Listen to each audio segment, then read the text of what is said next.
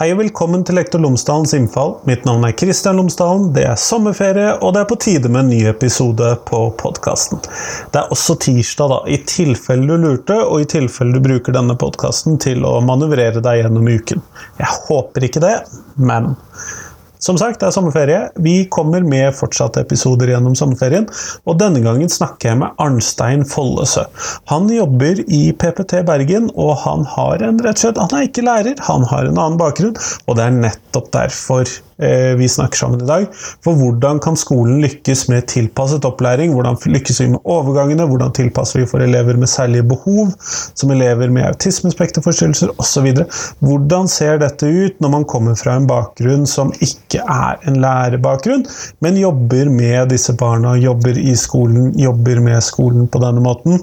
Og barnehage, ikke minst. Hvordan lykkes vi med tilpasset opplæring? Det er dagens tema. Arnstein er eh, med oss for å snakke om det. Ellers, Podkasten er som alltid sponset av Fagbokforlaget, og Fagbokforlaget har gitt ut en metodebok om forskningsoversikter. Så når du skal skrive en bacheloroppgave, en masteroppgave eller kanskje til og med en doktorgrad, så har du utrolig mye informasjon. Du skal finne ut hvordan du kan bruke den informasjonen, hva den sier, hva den ikke sier osv. Og, så og da kan det være at du trenger denne boka. Boka heter 'Forskningsoversikter i utdanningsvitenskap', og de anbefaler den til alle studenter på lærerutdanningene og innenfor ulike eller andre pedagogiske fag. Så det er beskjeden fra Fagbokforlaget. Du finner boka på, boka på fagbokforlaget.no. Men nå, nå skal du føre Arnstein. Vær så god.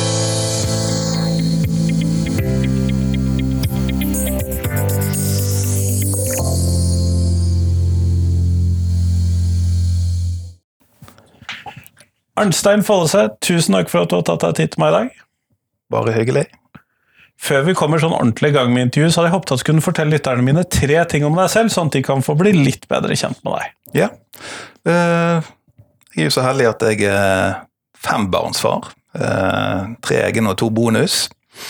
Uh, ja, kan jo nesten nevne det at jeg har jo jenter. 14, 15, 16, 17. Så eh, litt, eh, litt, innsikt i den ungdomstiden for jenter, det har jo jeg. Og så har jeg en ung, ung mann på 20. Eh, så har jeg en fru som er sykepleier, anestesisykepleier, som òg er en sånn ja, hva skal vi si, god dialogpartner. Vi diskuterer mye fag sammen. koser oss med det. begge jobber med barn, hun eh, har spesialisert seg innenfor barneanestesi. Eh, men hun liker å bedøve barn, og jeg eh, har de dessverre i våken tilstand. Så det er jo litt, litt forskjellige utfordringer der. Ja, og så er jeg vernepleier. Har vært det siden 2003. Har jobbet forskjellige steder. Psykiatri, bolig for utviklingshemmede og mennesker med autismeutfordringer. Eh, støttepedagog i barnehage. Har vært i en årrekke i en nabokommune. Eh, og så har jeg vært miljøterapeut i, i eh, skole i mange år. Og nå de siste fem årene så har jeg jobbet i et lavterskeltilbud i PPT. Der vi følger opp barn innenfor autismespekteret i barnehage og i begynnelsen på skole.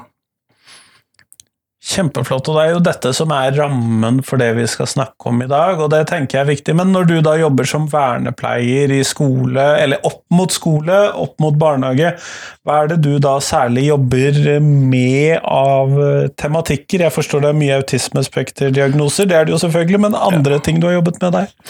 Ja, nei, det har jo vært eh, Når jeg jobbet som miljøterapeut i skole, så jobbet jo jeg med, med mye forskjellig. Eh, det var jo gjerne de som eh, falt litt ut utenfor eh, A4-skoleboksen, som vi sikkert kan snakke mye om. Eh, og eh, da var det barn som hadde utfordringer av ulike årsaker. Om det var problemer på hjemmebane, om det var holdt jeg på å si, kognitive ferdigheter som manglet. Det kunne bare være at noen hadde en dårlig dag. Fikk lov å jobbe veldig mye på egen hånd eh, i en lang periode i, eh, som miljøterapeut i skole, eh, og på egne initiativ. Eh, og hadde holdt på å si, god suksess med noen, noen av de oppleggene vi holdt på med rundt disse barna. da. Jobbet jo veldig mye inn i ordinær klasse, men hadde òg bl.a. et tilbud som jeg fulgte opp der vi var på gård en dag i uken, som var eh, kanskje den beste dagen for både meg og disse elevene. Eh, der vi hadde tilgang til eh, holdt jeg på å si, båt og sjø, fjøs, åker, eh, en liten snekkerbod og et eh, skolebygg ute i Horneskogen. Eh, og der fikk elevene blomstre og være kreative. og veldig mange av de som var med der, var de som trengte litt ekstra, og så var det noen som rett og slett bare hadde hatt en tøff dag eller en tøff måned og bare trengte å ha fokus på noe annet. Så det, det var kanskje det kjekkeste. Uh, litt av utfordringen med å jobbe som vernepleier uh, i skolen, uh, for jeg var ansatt som vernepleier, det var jo det at for det første så gikk det på bekostning av en lærerstilling, og for det andre så måtte jeg ganske ofte forsvare min, min rolle. Du kunne jo ikke undervise i noe? Nei, jeg kunne ikke undervise i noe, og gudene skal vite at det ble noe av og til kastet inn som vikar både i det ene og det andre. så jeg var ikke så verst på klasseledelse. Jeg, var faktisk inne, ble faktisk brukt uh, til å gi noen lærere støtte i, i det, da, så jeg var nok ikke helt bak, bak mål i så måte. Men uh, det å jobbe med systemet på skole og det psykososiale på skole var jo definitivt min, eh, min hovedoppgave. Og det var jo det jeg syntes var veldig kjekt da. Og holdt jeg på å si, eh, så jo at lærerne responderte stort sett veldig bra på at det kom inn eh, en ekstern yrkesgruppe inn i skolen som på en måte hadde litt andre briller og litt andre perspektiver. Og de så jo at det nyttet den måten vi jobbet på. Så, men samtidig så hadde du gjerne en skoleledelse der du måtte forsvare din posisjon. Sant? For vi har ikke noe, det er ikke noen klare arbeidsrammer som eh, vernepleier eller som miljøterapeut inn i skole. Sant? Det er ikke noe krav til at dere skal finnes heller? Nei, det er ikke noe krav til at vi skal finnes heller. Og det er jo noe der har vi et nasjonalt opprop som har holdt på en stund, der vi prøver å kreve våre, vår rett som yrkesrolle inn i skolen. Noe som jeg tror trengs eh, nå i 2023, når eh, ja, samfunnet har vært i endring, og det har det vært ganske lenge, men skolen har vel ikke endret seg nødvendigvis så mye. Eh, I retning av det å skulle ta seg av disse her utfordringene som læreren gjerne står i. Og vi som yrkesgruppe har jo eh, veldig lyst til å bistå lærerne, sånn at eh, elevene kan få det bedre, og da òg eventuelt bli mer eh, mottagelig for læring i skolen.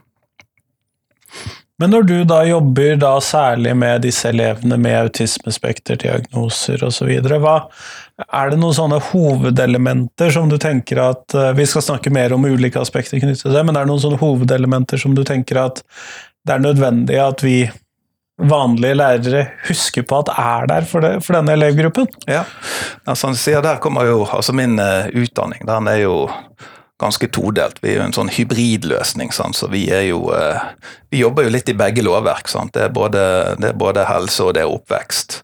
Sant? Så vi har jo eh, Vi har det beste fra begge verdener, pleier jeg å si. Eh, men veldig ofte når jeg går inn i, i skoler, sant? så jeg tenker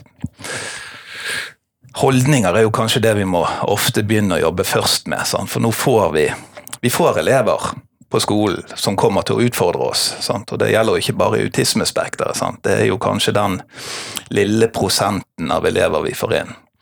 Eh, og så har vi òg eh, Hvis vi Ja, vi har ikke sånn helt soleklare tall på det, men et sted mellom 10 og 15% med andre nevrologiske diagnoser som treffer inn i skolen. Sant? Det kan være Tourette, det kan være ADHD, det kan være lese- og skrivevansker. Eh, sant? Så det er En substansiell gruppe, da, med andre ord. Ja.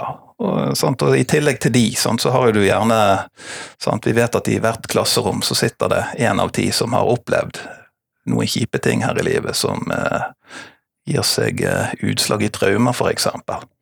Eh, og de òg kan profitere på litt av det samme, for det der er vi tilbake på det, det så jeg har lyst til å snakke mye om også med eksekutive funksjoner. sant?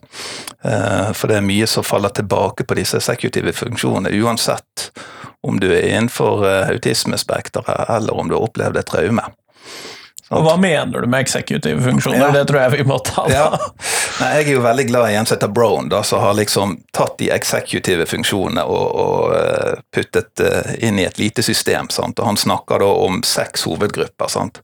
der du har aktivering, fokus, innsats, emosjoner, hukommelse og handling de har han kategorisert de ned i. Sant? Og det går jo på ting som å organisere og prioritere ting i en skolehverdag og komme i gang med arbeid. Og når du har gjort det, så skal du opprettholde dette fokuset på denne oppgaven. Eh, og så skal du kunne regulere overvåkenheten din, f.eks. Eh, I løpet av denne oppgaven. Eh, tilpasse deg, justere. Sant? Et klassisk eksempel er at hvis du leverer ut en oppgave til en av mine elever, så eh, kan det hende at de leser gjennom teksten, og så begynner de på oppgave én. Eh, og så eh, stopper de opp med den oppgaven og blir værende med den fordi at de har ikke forstått oppgaven. Og da har de på en måte De har ikke denne her eh, justeringsmuligheten til å, å, gå videre på neste oppgave. Sant? Eksempelvis jeg satt med en gutt som hadde eh, en liten sånn kromobidtilstand. Han hadde ADD og eh, autisme. Eh, og da var det en nasjonal prøve der det var bilde av en femkroning og to kronestykker. Eh, og spørsmålet i oppgaven var at Per og Kari skulle dele disse syv kronene. Og hvor mange kroner fikk de hver? Og Hans svar var at de får én krone hver. Og det var fordi det var bilde av en femkroning og to enkroninger. Han kunne jo ikke dele den femmeren i to. Sant? Tilbake til dette med at de tenker ofte veldig konkret. Sant? Og han var jo en, eh, en, fantastisk fyr, en fyr som jeg faktisk har kontakt med den dag i dag. Eh, begynner å nærme seg ung voksen nå. Men, eh, og han beskrev jo seg sjøl litt. Grann, eh, han beskrev seg sjøl veldig fint med disse eksekutive funksjonene, for han sa det at jeg er en Ferrari, men jeg er utstyrt med sykkelbrems. Kanskje en av de bedre beskrivelsene jeg har hørt. Eh, en apatisk ung mann med, med veldig mange eh, forutsetninger for å klare seg, men han trengte tilrettelegging. Og For hans del så var jo det da kanskje denne her impulsiviteten og ADHD-en som tullet det til mest for han. Og Et konkret eksempel igjen der, jeg er veldig glad i eksempler for øvrig, det var det at for at han skulle fungere i klasserommet, så, så hjalp det for han veldig å ha på et støykansellerende headset og høre på om han hørte på white noise eller uh, forskjellige typer musikk, men da hadde, han, da hadde, han, fokus på oppgaven. Da greide han å jobbe. Uh, men der var vi plutselig hadde vi en skoleelev som mente at dette var et ekskluderende tilbud for han. Og Hvis han ikke klarte å være i klasserommet uten dette headsetet, så måtte han heller være inne på et grupperom. Uh, og Dette har meg og han satt og diskutert mange år etter han var ferdig.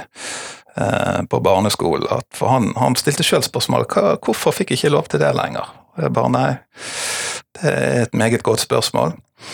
Eh, og så spurte jeg han om han kunne beskrive hva som skjedde. Nei, det var jo det at når han hadde denne musikken og hadde lydene, så greide han å, å, å stenge ute det som skjedde i klasserommet rundt han. Da greide han å ha fokus på oppgaven. Men samtidig, når han ikke fikk ha dette headsetet og ble sendt inn på et rom, da var jo det stille rundt han. Men da begynte den indre tankegangen hans å gå, og disse her tankemonologene hans begynte å fyre rundt. Sant? Så da, da, var det den indre støyen som på en måte overtok. Så han greide ikke å konsentrere seg da heller. Sant? Men sånne enkle tiltak, og, som det headsetet, hjalp jo han. Men det kunne han plutselig ikke ha lenger, for det ville være ekskluderende. Men eh, det var jo for sidemannen så var jo det aldri noe problem at han satt med det headsetet, de skjønte jo veldig godt det. For Hvis ikke så var jo han all over the place, og han var veldig musikalsk, så alt som kunne trommes på da fant han to blyanter, og så satte han i gang. Kjørte han trommesolo overalt i klasserommet, og det er jo selvfølgelig forstyrrende. Med headset funket godt. Og dette er jo bare ett eksempel på hvordan disse her eh, styringsfunksjoner er det vel kanskje vi kan oversette ja. dem med til norsk. For dette er jo alt fra å starte å jobbe med oppgaver, til å mm. lese de, til å forstå de, til å skjønne hvordan du skal jobbe med de, alle mulige andre aspekter. Det er jo et ganske bredt felt med funksjonsvariasjon, da. Yes. Og det er jo her jeg tenker at det er her jeg tenker at For det er veldig ofte når jeg eh, står og snakker foran, foran lærere, eh, holdt jeg på å si, både i barnehager og på skoler, så er det veldig ofte at eksekutive funksjoner det har ikke vært noe tema. Det har ikke de hørt om før. Eh, og jeg tenker det at for å kunne tilrettelegge for disse elevene, så, så, trenger vi mer kunnskap om det. Jeg har jo alltid en sånn mantra mitt når jeg rundt, reiser rundt og, og, og, snakker med folk og driver med veiledning, det er jo at barn klarer hvis de kan. Og det, det må jeg ærlig si at det har jeg sakset rett ifra en som heter eh, Bo eh, Heilskov Elven. En fantastisk svenske som snakker mye om eksekutive funksjoner, og som snakker mye om lavaffektiv tilnærming. Eh, så jeg tenker at uh, definitivt har sin plass i skole å gjøre. For hvis man på en måte går inn og snur litt opp ned på hvordan vi tenker på disse barna og jobber litt med barnesynet våre, for barn klarer hvis de kan, det er jo mye bedre å, å tenke at, at uh, Ole eller Kari de klarer ikke denne oppgaven fordi at vi har gjerne lagt listen for høyt. Eh, vi har gjerne ikke forklart det godt nok. Vi har gjerne ikke gitt de forutsetningene for at de skal klare å mestre dette her i det hele tatt. Og da å sette seg inn i eh, hvordan eksekutive funksjoner eh, funker, det vil være gull verd for, i ethvert klasserom, og nesten i ethvert arbeidsmiljø. Holdt jeg på å si, Nå kommer jeg akkurat fra en barnehage der eh, hun ene barnehagelæreren skulle holdt jeg på å si, omskolere seg litt, fra å gå fra å være barnehagelærer til å, til å lede en eh, Eller være personalansvarlig i en, i en bedrift, IT-bedrift. Eh, og eh, hun har jo fått litt veiledning på autismespekteret. Hun skjønner jo det at den eh, arbeidsplassen hun skulle inn i, så kommer hun til å få brukt for veldig mye av dette i den nye jobben hun skulle inn i òg. Eh, ja, for Man slutter jo ikke å ha autisme når man går ut av barnehagen eller Nei. inn i skolen eller ut Tvert av skolen. Imot. Tvert imot. Eh, og veldig mange, altså nok en gang, dette er jo et vanvittig spekter. Sant? Du treffer jo alle uh, funksjonsvariasjoner innenfor dette spekteret. Sant? Og det må jo også sies at de som jeg jobber mest med, det er jo de som For vi går jo inn og tar en kartlegging når vi får henvendelse fra vårt lokale PPT. Eh, og da teller vi på en måte litt symptomer. Og de vi følger opp, er jo de som på en måte ligger høyest på den symptomskalaen. Sant? Så det, det er gjerne barn Uh, og det er ikke sikkert de har en diagnose ennå, for det, vi er et lavterskeltilbud, og vi er heldigvis ikke avhengig av at det trengs noen diagnose for at vi skal komme i gang. Så vi går inn, tar et uh, intervju, tar en observasjon og tar en liten råskår, teller symptomer, og så tilbyr vi vår, uh, vår veiledning. Eh, men da er det ofte disse her som har eh, sammensatte vansker. Eh, for det er jo gjerne sånn at har du autisme, så følger det gjerne en del andre ting med på, på båten, for å si det sånn. ADHD, epilepsi, angstproblematikk, sånn generelle læring, læringsvansker.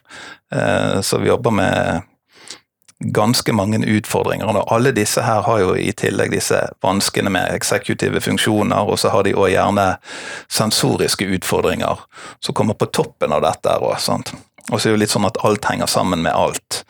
Eh, blant annet så vet jo vi litt Det har vært forsket mye på nevrologi, og masse, masse forskning som har gått på å finne løsningen på autismegåten. sant?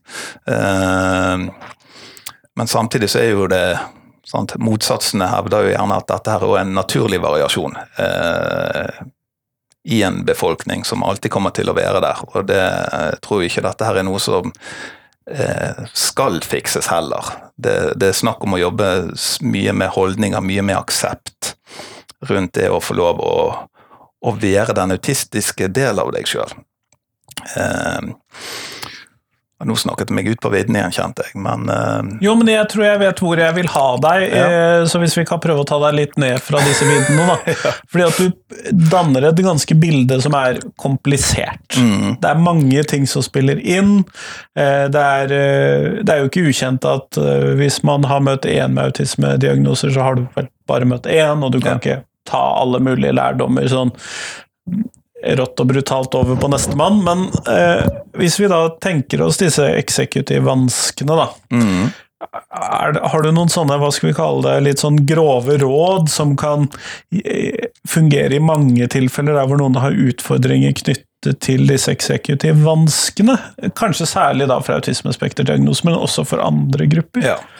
Nei, altså, vi, vi snakker, altså, det kommer jo i, i bunn, så kommer jo relasjoner. Alltid. Holdt på å si, Da må jeg nesten reklamere, for du har en podkast av var hva er det, Ingrid Dovadok, kakaopedagogikk. Ja. Ja. Det er gullstandarden i mitt hode på hvordan en lærer skal tenke rundt relasjonsbygning, og at det For hun putter det foran alt. Eh, altså, jeg, vet ikke, jeg tror jeg har hørt den podkasten sikkert tre-fire ganger. Han er like fantastisk hver gang. Så det, den, den bør alle lærere og alle som jobber med mennesker generelt få med seg, for den er helt, helt strålende, for å si det mildt. Og for de som da hører på dette, så hvis dere går inn på lektorlomsdalen.no og finner episoden med Arnstein, så ligger det en lenke til Ingrid Doverdok sin episode i shownotesen. Veldig bra. ja, nei, Hun fortjener virkelig virkelig god reklame. Jeg har aldri møtt henne i person. da. Jeg har møtt mannen, eh, som hun er lærer, eh, og en fantastisk eh, person. Men eh, nei, det, det var, en, eh, det var ja, en av de mest fantastiske Så relasjoner i bånd. relasjoner i bånd. Det neste er altså Vi må jo skape en forutsigbarhet for disse ungene. Det er jo, sånn, det er jo sikkert gjentatt til det kjedsommelige. Eh? Vi er jo veldig glad. De barna jeg jobber med, profitterer 99,9% på visuell støtte. Sant? Vi bruker ASK, hjelpemidler, gjerne dagtavler. Jeg vet ikke om du har vært borti sånne ting, men da har vi på en måte som at symboler. jeg ikke har vært der. Ja. Da har vi symboler over de forskjellige overgangene som skal skje i løpet av en dag. Eh, og, da, og da mener vi alle overganger. altså Går du, går du fra bordet etter å ha spist lunsj, så skal du ut på badet og vaske hender. Så skal du videre i garderoben. Da skal du kle på deg i garderoben. I garderoben så hen, henger det kanskje en handlingskjede i tillegg, med at først tar vi på oljebuksen, så tar vi på eh, oljejakken, og så tar vi på sjøstøvlene, og så tar vi huen på til, til slutt, og så skal vi gå ut. Sånn at de trenger denne forutsigbarheten. Eh, og så er det mange som tenker at dagtavler er en magisk ting så du bare henger opp. Men det krever jo selvfølgelig relasjonen i bunn, at du på en måte er, litt ekspert på dette barnet. Sant? For det kan jo hende at dette barnet syns at friminutt er helt pyton. Og da er jo sjansen for at du har lyst til å gå ut i det friminuttet ganske minimal. Uh, og så er det sånn her òg, her må du kjenne de enkelte barna. Noen barn profitterer på å gå ut i garderoben når de er alene. Sant? Her må vi tenke at de gjerne har sensoriske vansker i tillegg. Sant? Da er det stille og rolig rundt de, da har de mulighet til å fokusere på denne oppgaven de skal ha akkurat der og da. Da er vi tilbake til de eksekutive funksjonene. Har de visuell støtte i tillegg som henger der, så er jo sjansen for at de følger denne her, holdt jeg på å si, oppskriften som henger der, mye større. Eh, Men her er det variasjoner. Jeg har, jeg har barn som tåler å gå ut i garderoben eh, når det er stille og rolig. Eh, og så tåler de helt fint at det kommer ett barn, to barn, tre barn, fire. De venner seg til at det kommer flere og flere barn inn i garderoben, så lenge de får begynne der først. Og så er det de barna som vil at alle barna skal være kommet ut i garderoben, og så kan de ta kontroll med å bevege seg inn i garderoben i det tempoet de ønsker. Og så har jeg selvfølgelig de barna som gjerne vil at det skal være stille i hele sekvensen de i garderoben. Sant? Men det er jo bare tilbake til at dette er et spekter. Har du møtt én, har du møtt én. Så det, det er jo her denne her finkirurgien kommer inn. Sant? At man Og det er her man må bli kjent med da det enkelte barnet. Det er her man må bli kjent. Sant? Og det, da kan vi hoppe tilbake til den viktige overgangen mellom barnehage og skole. For den er superviktig, og den er utrolig sårbar. Barnehage er én plattform, eh, skole er en annen plattform. Eh, Noen barn profitterer jo kjempegodt på å komme over i skole, for der er det jo gjerne en større struktur enn det de er vant med i barnehagen.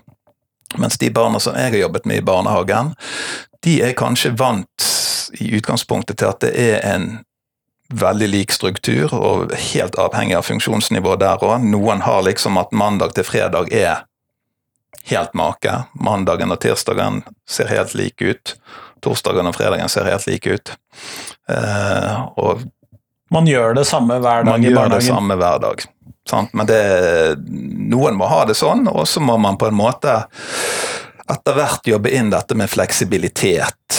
Eh, men eh, altså, mitt eh, favorittakronym det er FAB. Forbered alltid barnet. Det er utrolig viktig, og holdt jeg på å si, man kan aldri forberede disse barna godt nok. Det å vite hva som er neste steg på planen, er alltid gull verdt for de å vite, og det øker også sannsynligheten for at de gjennomfører det.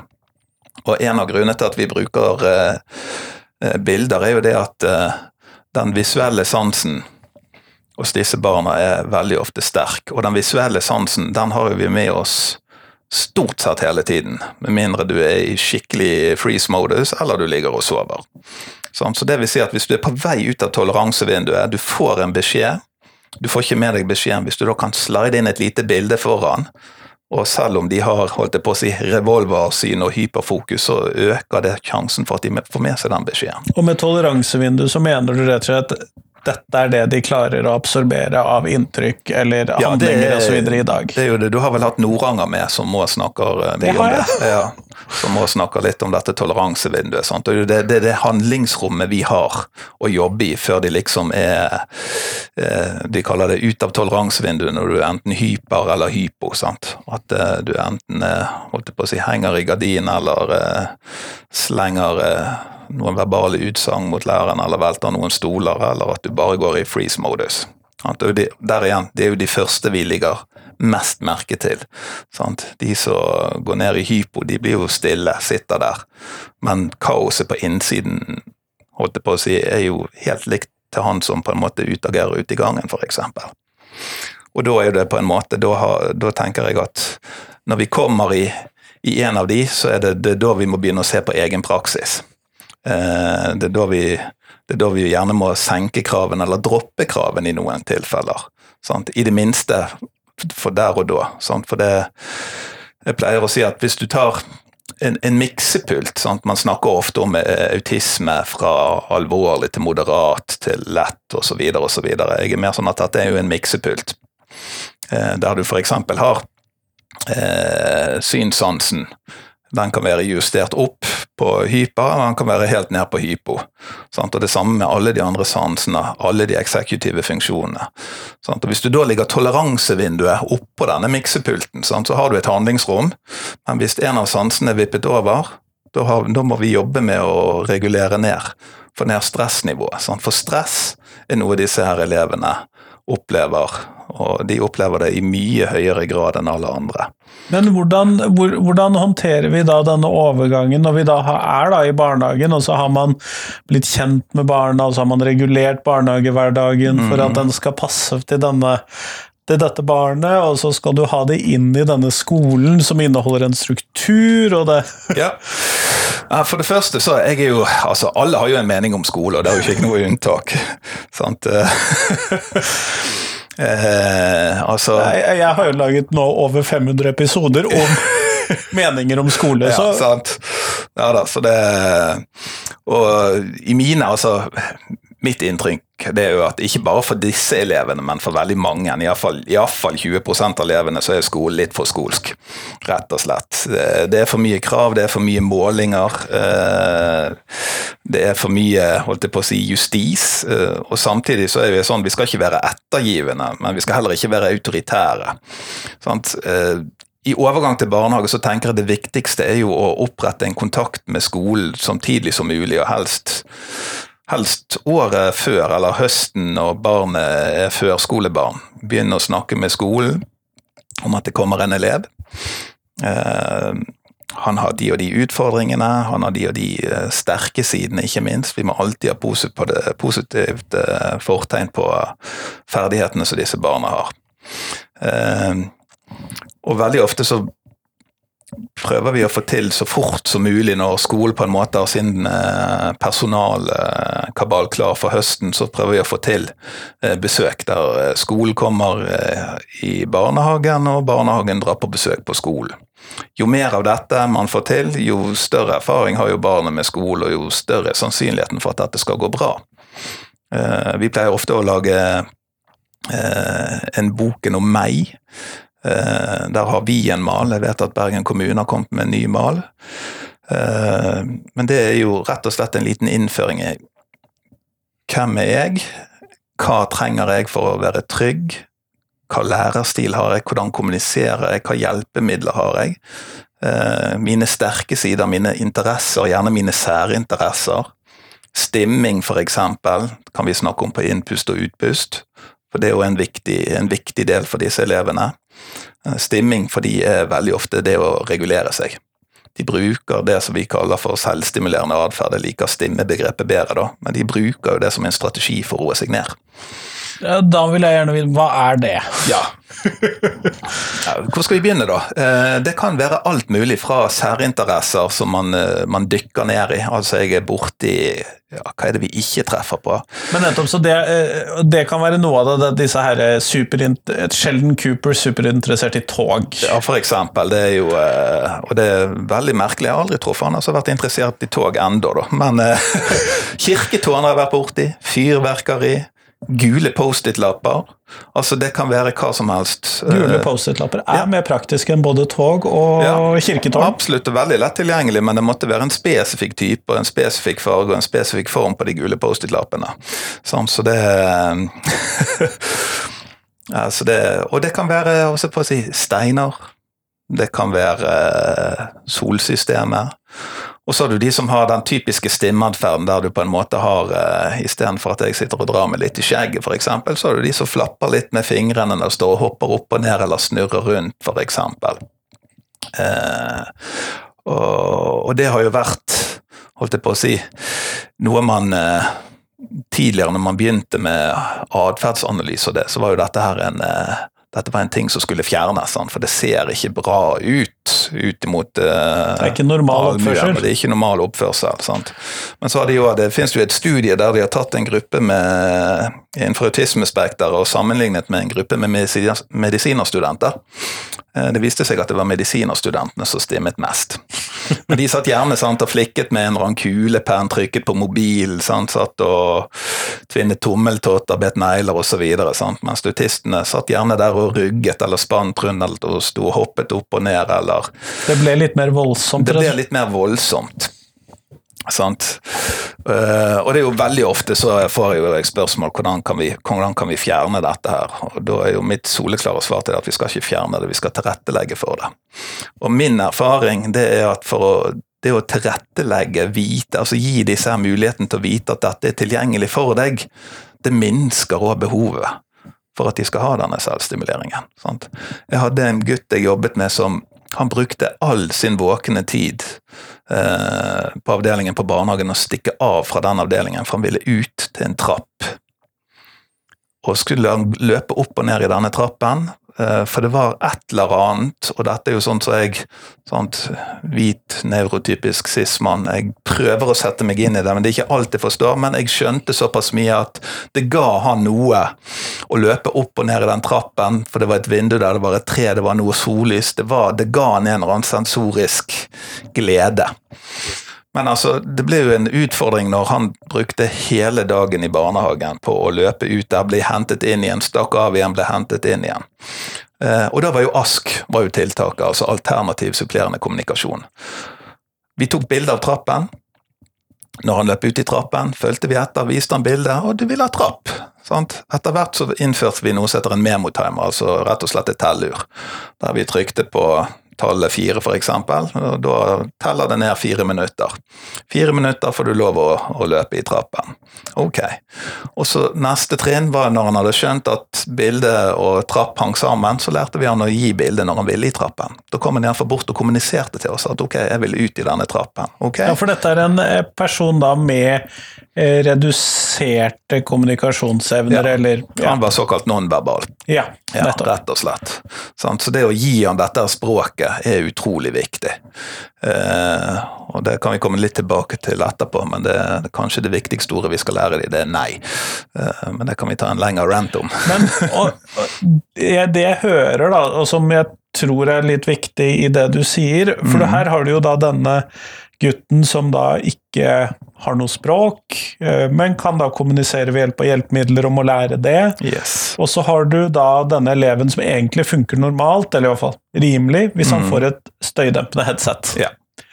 Eh, Men som ellers da prater i hvert fall en del, og Ja, jobber yeah. i skolen. Og, eh, sånn at det, det spekteret her er jo ganske stort. Det Da. er kjempestort. Det er kjempestort. Men det er jo det jeg tenker at alle profitterer på det samme. Eh, og alle profitterer på at vi som jobber inn mot skole, og vi som jobber i skole, har på en måte en forforståelse for dette med eksekutive funksjoner og hvordan hjernens utvikling henger sammen. Sant? Og eksekutive funksjoner, for å hoppe tilbake til det, det er jo Altså, alt blir jo styrt av frontallappen. Sant? Og når du opplever at det, er stress, og, og du opplever at det pumpes eh, kortisol og noradrenalin, sant? Om, om du har en autismediagnose, eller om det er PTSD, om det er et traume man sitter med, så stenger frontallappen ned. Sant? Og da er vi tilbake til hva barn klarer når de kan, og de ikke klarer å gjennomføre disse oppgavene, så kan vi tenke at nå er ikke denne her eh, frontallappen koblet på. Og, og det er jo noe som på en måte, jeg tenker, vi alle har jo opplevd det. Minst én gang i livet at det, det stenger ned, og at man gjerne er litt svartsint, eller eh, man er veldig lei seg, eller At du er så stresset at du rett og slett ikke får gjort noe som helst. ja, sant? Da stopper det opp. Sant? Og, men, og spesielt for disse elevene innenfor uh, autismespekter, så har jo de det sånn gjerne hele tiden. Og opplever gjerne også disse her hyppige negative tilbakemeldingene. Sant? Eksempelvis inn i et klasserom. Sant? Det å informere alle elevene om at nå skal vi ha norsk, hent norskbøkene. Eh, veldig ofte så går det fra det, og så går det rett over til du, Kristian, har ikke funnet norskboken din. Sant? Eh, og allikevel så har ikke du fått med seg For veldig ofte sånn, så er jo det de, de tar Det tar tid å innhente den informasjonen og sende den rundt i systemet at han lander der han skal. Sånn, så det jeg ofte snakker med lærere om, det er det at ja, gi en felles beskjed. Hent norskboken. Det neste du gjør, det er å rose de som har For det 80% i den klassen har jo greid å hente norskboken. Sant? Og så har du gjerne noen som har vært litt opptatt av å snakke med hverandre. Når de da merker at her er noen som får ros, så får de en ny beskjed. Oi, norskbøkene skulle vi hente. Sant? Og så unngå å gå i den fellen når det er, sitter én igjen der. Sant? Christian, norskboken. Det er sånn Tredje beskjeden bør være har alle husket å hente norskboken. Da har iallfall du gitt vedkommende tre mulige sjanser til å ta inn informasjon. Og selvfølgelig, det er ikke sånn at det funker alltid, men det funker iallfall i 95% av tilfellene.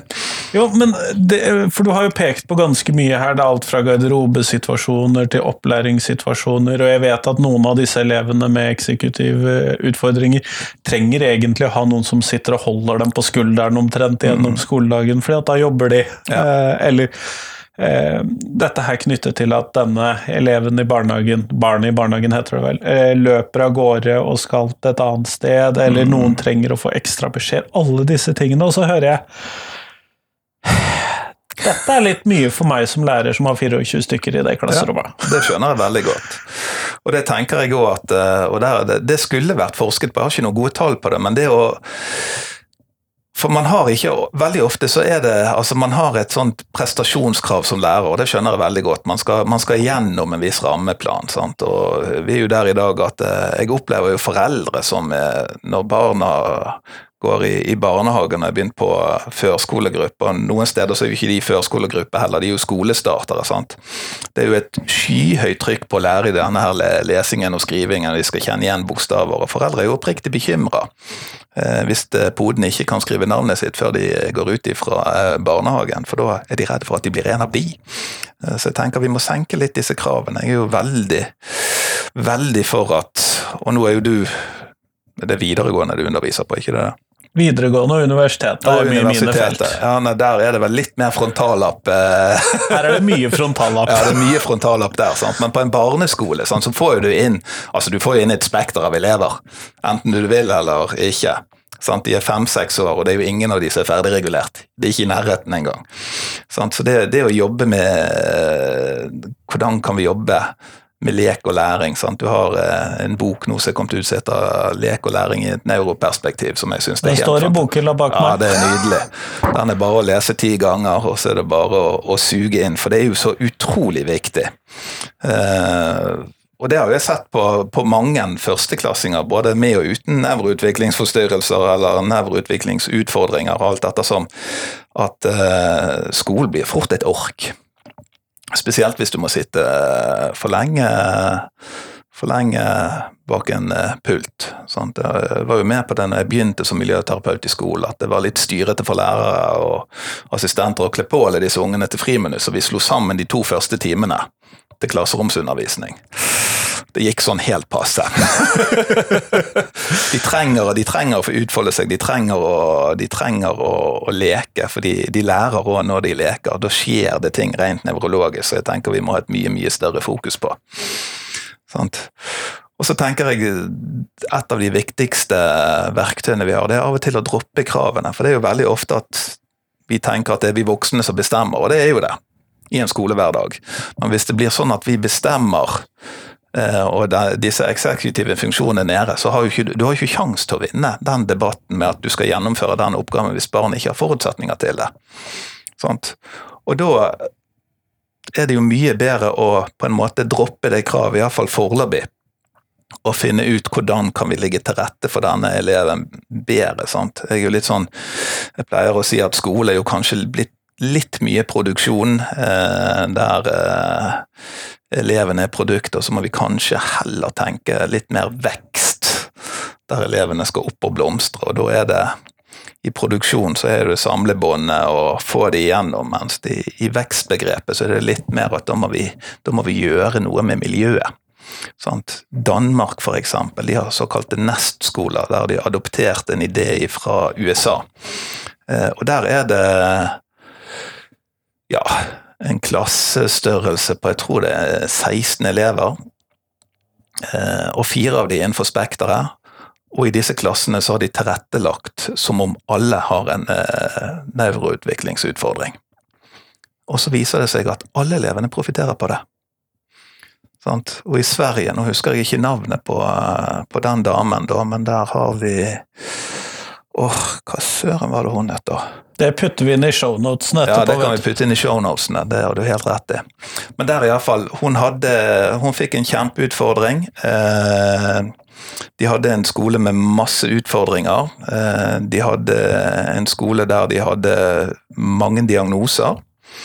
Eh, Og hun beskriver veldig godt den veien hun måtte gå for å forandre mentaliteten og barnesynet, måten å jobbe på, med både å utforme klasserommet på en annerledes måte, jobbe med det positive barnesynet og veldig mye lavaffektiv tilnærming. Men det tok jo tre-fire år å snu den organisasjonen. Hun fikk ikke en krone ekstra. Men det ble et mye bedre arbeidsmiljø både for lærere og miljøarbeidere og elever på den skolen. Så skulle gjerne hatt litt mer forskning eh, på den biten, for det jeg er jo litt sånn slow is safe, safe is fast. Eh, Spesielt når det gjelder disse. Og det er jo litt, litt det hun eh, Ingrid Dovadok snakker om òg. Denne relasjonen og det å møte elevene og være der for dem og, og, og sørge for at det er trygt. For vi vet at i klasserommet i dag, så disse her som har en eh, utfordring inn på spekteret, de får mye negative tilbakemeldinger. De får fire ganger så mye beskjeder som de andre elevene, når de egentlig trenger halvparten. For det, er, det tar ofte tid. Eh, ting skal fanges opp, det skal prosesseres, det skal settes ut. Så de trenger hjelp, de trenger støtte.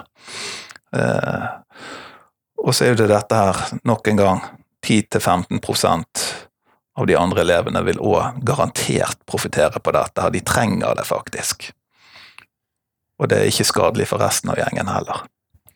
Og jeg sitter jo igjen med, og det er et sånt inntrykk som uh, dukker opp i meg stadig mer i disse podkastepisodene, og særlig når det gjelder sårbare grupper, er jo det at eh, mye av utfordringene vi har i skolen knyttet opp til ulike grupper, ville antagelig kunne løst seg i stor grad ved et tolærersystem pluss noen andre yrkesgrupper inne i skolen. Mm. Men det er jo en voldsom kostnadsøkning. Da. Det er det absolutt. Uh, og her er jo her må det sitte noen folk som Det finnes jo garantert noen økonomer som kan sitte og vise dette regnestykket. For det Hva det koster i ettertid, tenker Hva du Hva det koster i ettertid. Eh, og det er jo sant, vi, vi, har jo vært gjennom en pandemi. Eh, og vi har jo på en måte Jeg tenker det er to streker under svaret på at skolen er utrolig viktig for disse elevene. Ja, det fortalte de også i siste lønnsoppgjør eh, Nei, forrige lønnsoppgjør. Ja, sant. ja. Men eh, vi ser jo altså seineffekten av det å, å dette ut eh, er jo Ja, det, det, er jo vanvittig kostbart.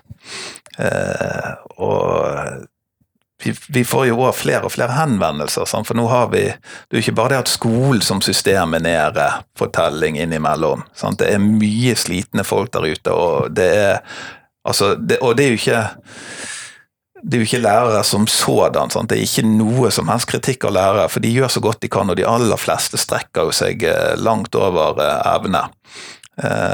Men det gode samarbeidet og det å få til disse gode arenaene og lage et lag rundt barn i de enkelte skoler er utfordrende. Sant? Og det er jo, tenker jeg, er et lederansvar.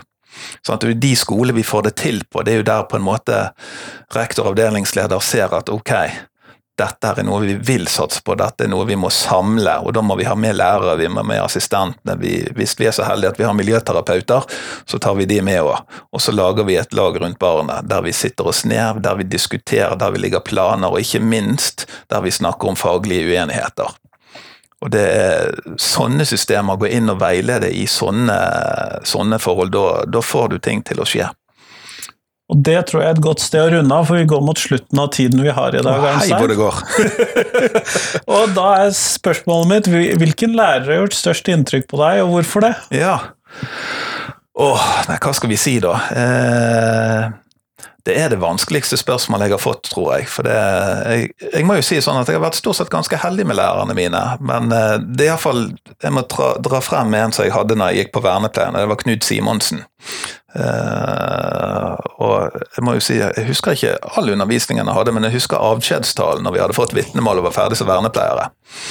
Uh, for da sa han uh, noe sånn som at nå har jeg lært dere litt om alt, så nå er dere i stand til å gå ut og begynne å leite etter svaret. Og det holdt jeg på å si, det gjør jeg enda. Jeg er der ute og jeg leter og jeg forsker, og jeg forsker på egen praksis, og det er kanskje det viktigste jeg gjør. Tusen takk, Arnstein.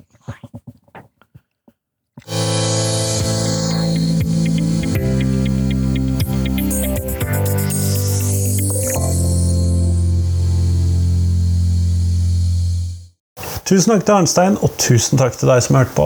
Det er fremdeles sommerferie, men det betyr at det fremdeles kommer podkastepisoder, og på fredag så kommer det en repriseepisode. Da går vi tilbake til 2018. Det er der jeg henter reprisene mine fra for tiden. Så det får du kose deg med på fredag.